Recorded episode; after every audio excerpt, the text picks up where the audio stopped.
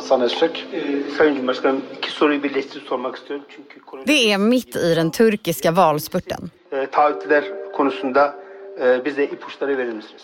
Den sittande presidenten Recep Tayyip Erdogan sitter i live-tv. Han blir utfrågad inför valet. Men presidenten känns frånvarande. Hans blick är tom. Kameran klipper till programledaren. Men plötsligt hörs mystiska ljud från presidenten. Programledaren flackar med blicken och försöker resa sig upp. Men han blir tillsagd av någon bakom kameran att sätta sig ner. Yol Så bryts intervjun. 20 minuter senare, en hålögd president framför kameran. Ett intensivt valspurtschema och ett envist virus har satt honom ur spel för en stund, säger han. kampanya çalışmaları vardı. Ve bu kampanya çalışmaları sebebiyle de Men han insisterar, det är ingen fara med hans hälsa. Men förklaringen hjälper inte. Spekulationerna om presidentens hälsa har redan tagit fart. Erdogan som lovat att Turkiet ska blomstra igen om han bara väljs. Är han i själva verket svårt sjuk? Från Dagens Nyheter. Det här är Spotlight. Idag om Erdogan. Hur mår egentligen presidenten som omges av mystiska hälsorykten? Jag heter Evelyn Jones.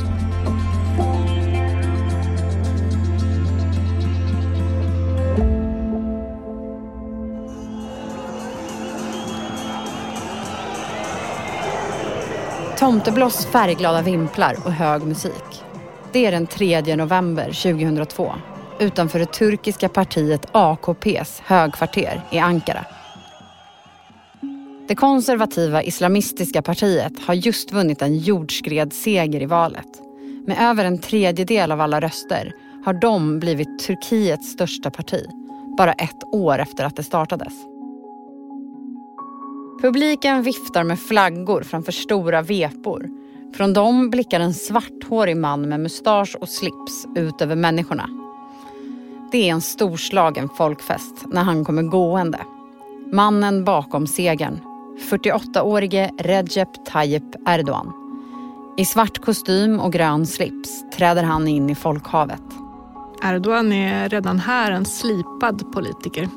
Han blev borgmästare i Istanbul åtta år tidigare och nu har han startat sitt nya parti, AKP, som på rekordtid växt till en jättekraft i turkisk politik. Emma Bovin, du är Mellanöstern-korrespondent på DN. Hur har Erdogan lyckats mobilisera så många väljare på bara ett år? Ja, Erdogan lyckades alltså bli borgmästare i Istanbul i mitten av 90-talet och då förvånade han många genom att ta tag i akuta vardagliga problem som avloppssystem och vattentillgång. Eh, då var han med i ett annat uttalat islamistiskt parti som senare förbjöds och när Erdogan insåg att det inte var en framkomlig väg med partier som var uttalat islamistiska och därför hela tiden förbjöds på grund av sin religiösa inriktning så bildade han istället AKP. Och det är ett parti som inte har en lika uppenbar religiös framtoning som sin föregångare. Så det blir succé. Men det finns en oro i befolkningen över det nya partiet. Erdogan är en kontroversiell figur. Han har nyligen avtjänat ett fängelsestraff för att ha läst upp en religiös och nationalistisk dikt. En dikt som anses förolämpa den sekulära turkiska staten. Dikten gör honom populär i religiösa kretsar. Men fängelsestraffet gör att AKPs ledare inte ens själv får sitta i parlamentet när hans parti vinner sin jätteseger. Generellt så bygger ju AKPs popularitet på att de får fart på Turkiets ekonomi. De sjösätter en inhemsk industri och de förmår andra länder att investera i Turkiet. Människor får det helt enkelt bättre på många sätt. Erdogan tilltalar också sunnimuslimer som har lidit under det här sekulära styret före honom. Eh, och Erdogan bygger sakta men säkert upp en konservativ religiös medelklass som fungerar som hans väljarbas. Han är omtyckt, han är driven, han är modern. Han vill demokratisera Turkiet och han tar flera stora kliv på den vägen. Men så börjar rykten spridas om hans hälsa.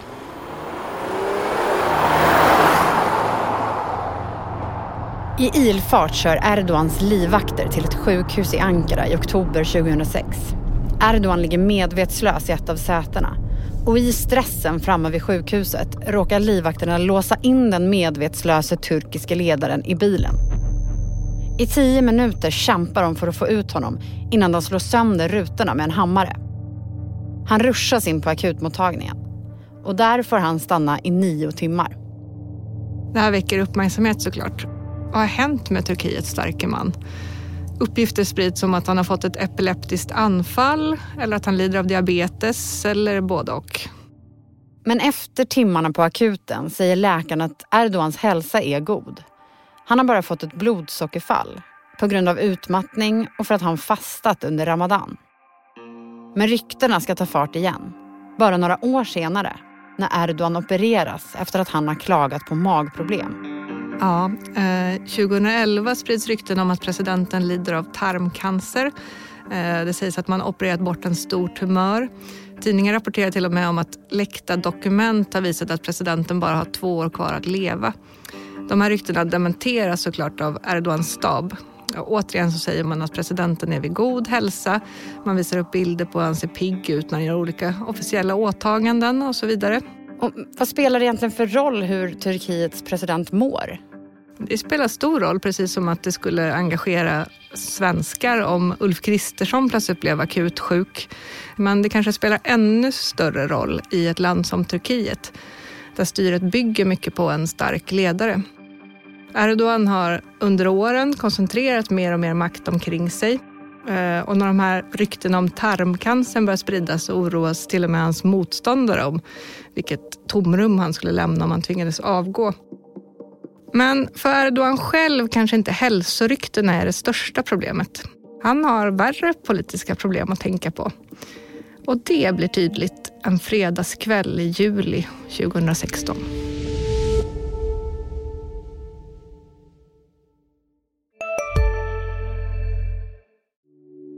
Hej, Ulf Kristersson här. På många sätt är det en mörk tid vi lever i. Men nu tar vi ett stort steg för att göra Sverige till en tryggare och säkrare plats. Sverige är nu medlem i Nato. En för alla, alla för en. Vi är specialister på det vi gör, precis som du. Därför försäkrar vi på Swedea bara småföretag, som ditt. För oss är små företag alltid större än stora och vår företagsförsäkring anpassar sig helt efter firmans förutsättningar. Gå in på swedea.se företag och jämför själv.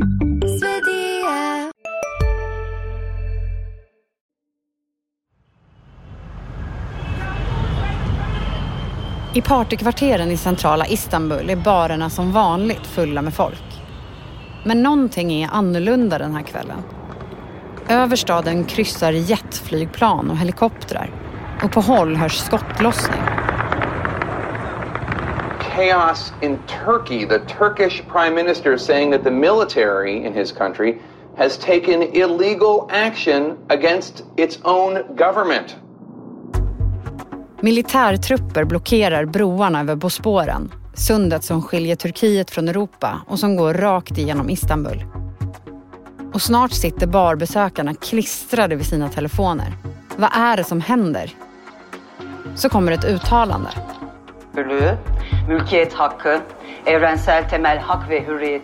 Den turkiska public service-kanalen TRT har tagits över av kamouflageklädda män och nyhetsuppläsaren tvingas läsa ett uttalande.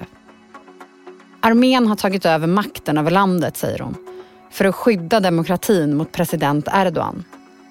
Strax därefter framträder Erdogan själv i en av landets oberoende kanaler. Programledaren håller upp en mobiltelefon i sändning och i bild syns presidenten. Alo, Buyurun Sayın Cumhurbaşkanım dinliyoruz biz sizi. ha, iyi akşamlar. İyi akşamlar efendim buyurun. Han ser lite skakad ut när han från semesterorten Marmaris uppmanar människor att gå ut på torg och flygplatser och slå tillbaka mot militärkuppen. Och det gör de. Innan natten är över så är det uppenbart att det här statskuppförsöket har misslyckats. Militären har dragit sig tillbaka och Erdogan, som nu har återvänt till huvudstaden, är stärkt. Men hur kommer det sig att man ens försöker sig på en statskupp? Ja, vem som egentligen låg bakom kuppförsöket är fortfarande inte helt utrett. Erdogan säger att det var Gülenrörelsen eh, och det handlar om en schism mellan tidigare vänner och allierade som nu har vänt sig mot varandra. Gülenrörelsens ledare, Fethullah Gülen, tidigare väldigt nära Erdogan, fördömer försöket och säger att det inte alls var han. Men enligt Erdogan handlar det om mindre grupperingar som är emot staten och själva vill ta makt. Och vad händer efter kuppen? Då startar en lång period av utrensningar. Erdogan gör sig av med folk som man säger är förknippade till den här Gülenrörelsen, eller FETÖ som man börjar kalla den. Eh, det står för Fetualisternas terroristorganisation. Hundratusentals människor förlorar sina jobb, eh, tusentals fängslas anklagade för att ha varit delaktiga i den här kuppen och Erdogan stärker sin ställning ännu mer än innan. Men de kommande åren ska coronapandemin slå till. Turkiet ska hamna i den värsta ekonomiska krisen som någonsin har drabbat landet. Och då får man ju komma ihåg att det var hela Erdogans USP, att han lyckades få fart på just ekonomin.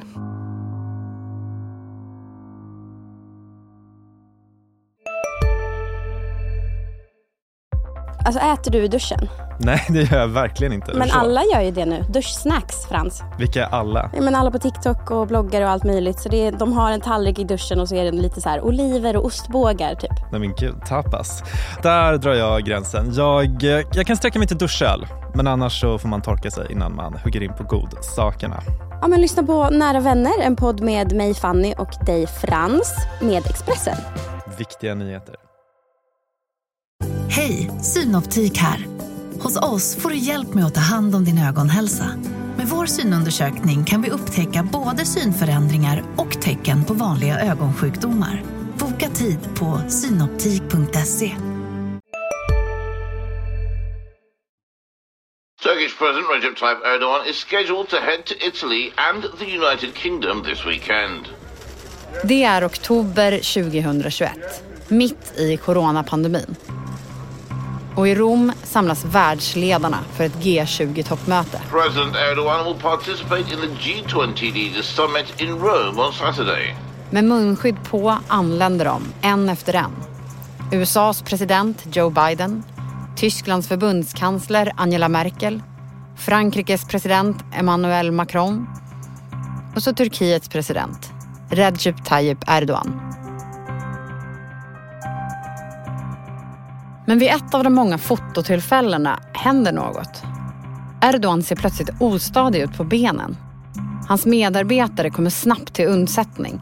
De drar bort avspärrningsrepen för att snabbt släppa ut honom bakvägen. Och bilderna, de sprids över världen. Och vad händer? Ryktena börjar såklart ta fart. Är presidenten sjuk? Men kanske kommer alla frågor få svar när den turkiska presidenten möter världsledarna igen på FNs klimattoppmöte i Glasgow någon dag senare. The doomsday clock is close to striking the witching hour as world leaders gather in Glasgow to discuss climate change. Men det blir inget klimatmöte för Erdogan. Han ställer in och åker direkt hem till Ankara. There are some noticeable no-shows. The Turkish president Recep Tayyip Erdogan decided not to travel to Scotland. Nu sprids till och med rykten om att den turkiska presidenten kan vara död. Det cirkulerar en hashtag med det turkiska ordet för antagligen död. Och folk frågar sig, lever Erdogan ens? Erdogans stab är såklart snabba med att dementera ryktena om att presidenten skulle vara död eller ens svårt sjuk. Ja, han försvinner ju ett par dagar där och hans stab twittrar ut bilder och filmer på presidenten där han ser hälsosam ut vid olika offentliga sammanhang. Eh, de kommer också med uttalanden om att allting som inte är hälsosamma bilder på honom är fejknyheter. Och hans vice partiledare twittrar till och med att de som försöker bita honom kommer att förlora sina tänder om de som sprider de här påståendena. Och vad ligger bakom ryktesspridningen? Eftersom han uppenbarligen har varit på sjukhus så är det inte så konstigt att folk börjar spekulera. Folk gillar ju att prata om världsledares hälsa. Eh, som att folk sa att Trump hade demens och enligt ryktena finns det väl ingen sjukdom som Putin inte har lidit av till exempel. Eh, men det är uppenbart så att Erdogan och hans medarbetare tar det här på allvar. Efter ryktena om hans död i samband med Glasgow-toppmötet så öppnar man till och med en polisutredning mot 30 personer som anklagas för att ha spridit desinformation om presidenten. Och det är något som kan ge fängelse på upp till fyra år i Turkiet. Det är heller inte helt ovanligt att man blir anklagad för desinformation om man uttalar sig om presidenten överhuvudtaget, i sociala medier. Erdogan har haft några turbulenta år bakom sig. Hans parti AKP har förlorat makten i Istanbul som av Erdogan själv ses som Turkiets viktigaste politiska stad. Och han har själv sagt att förlorar man Istanbul så förlorar man Turkiet. Och så kommer valspurten i april 2023. Det är ovanligt jämnt i presidentvalet där Erdogan hoppas på att få behålla makten över landet. Ryssland är i krig med Ukraina och Erdogan har visat sig vara en stoppkloss för Natos utvidgning. En jättestor jordbävning där över 50 000 människoliv har gått förlorade har kastat om spelplanen. Och oppositionen har lovat att rädda Turkiet från Erdogans alltmer auktoritära styre om de vinner. Ja, nu är Erdogan orolig. Han använder alla sätt han kan för att försöka hålla sig kvar vid makten i Turkiet, även efter valet. Eh, det har vi märkt i Sverige när det kommer till Sveriges NATO-medlemskap. Eh, det är ett sätt för Erdogan att visa sig som en stark världsledare som bekämpar terrorism överallt, även i Sverige. Eh, han gör allt för att vinna det här valet. Och så blir han sjuk i direktsänd tv. Och även om Erdogan bara 20 minuter senare kommer tillbaka in i studion och säger att allt är bra så ställer han snart in alla sina åtaganden under de närmaste dagarna. Bara någon dag efteråt är det tänkt att han ska inviga ett kärnkraftverk med Rysslands president Vladimir Putin. Men det blir inget möte med Putin utan allting får ske på länk. Och även om Erdogans stab fortsatt hävdar att det är ett envist virus det rör sig om så kommer ju ryktena om Erdogans hälsa igång med full svang igen. Men hur viktigt är det för Erdogan att visa sig stark i det här läget? Det är jätteviktigt. Eh, det här är ett ödesval för Erdogan. Eh, ett ödesval för hela världen skulle jag säga. Eh, för Turkiet står inför ett vägval nu som kommer att påverka oss alla på ett eller annat sätt. Och för att kunna vinna behöver Erdogan se till att ses som den som faktiskt kan få Turkiet att blomstra igen. Och då vill han visa sig stark på alla sätt. Eh, många av hans väljare eh, som jag har pratat med ser hans styrka som det viktigaste argumentet att rösta på honom. De säger att ja, han är auktoritär och ja, det finns problem med Turkiet, men de kan bara lösas av en riktigt stark ledare som Erdogan. Och i den bilden passar inga sjukdomar in. Du har lyssnat på Spotlight med mig, Evelyn Jones. Och om du gillade det här så kan du gärna prenumerera på podden om du vill höra fler mikrodokumentärer ur nyhetsflödet. Vi släpper nya avsnitt två gånger i veckan. Gäst i dagens avsnitt var Emma Bovin, DNs Mellanöstern-korrespondent. Producent var Sabina Marmulakai. Exekutiv producent David Mer. Ljudtekniker var Patrik Miesenberger. Slutmixen gjordes av Gustav Sondén Originalmusiken är komponerad av Patricio Samuelsson. Ljudklippen i dagens avsnitt kom från CNN, Euronews, The Guardian och AP. Ansvarig utgivare för Dagens Nyheter är Peter Wolodarski.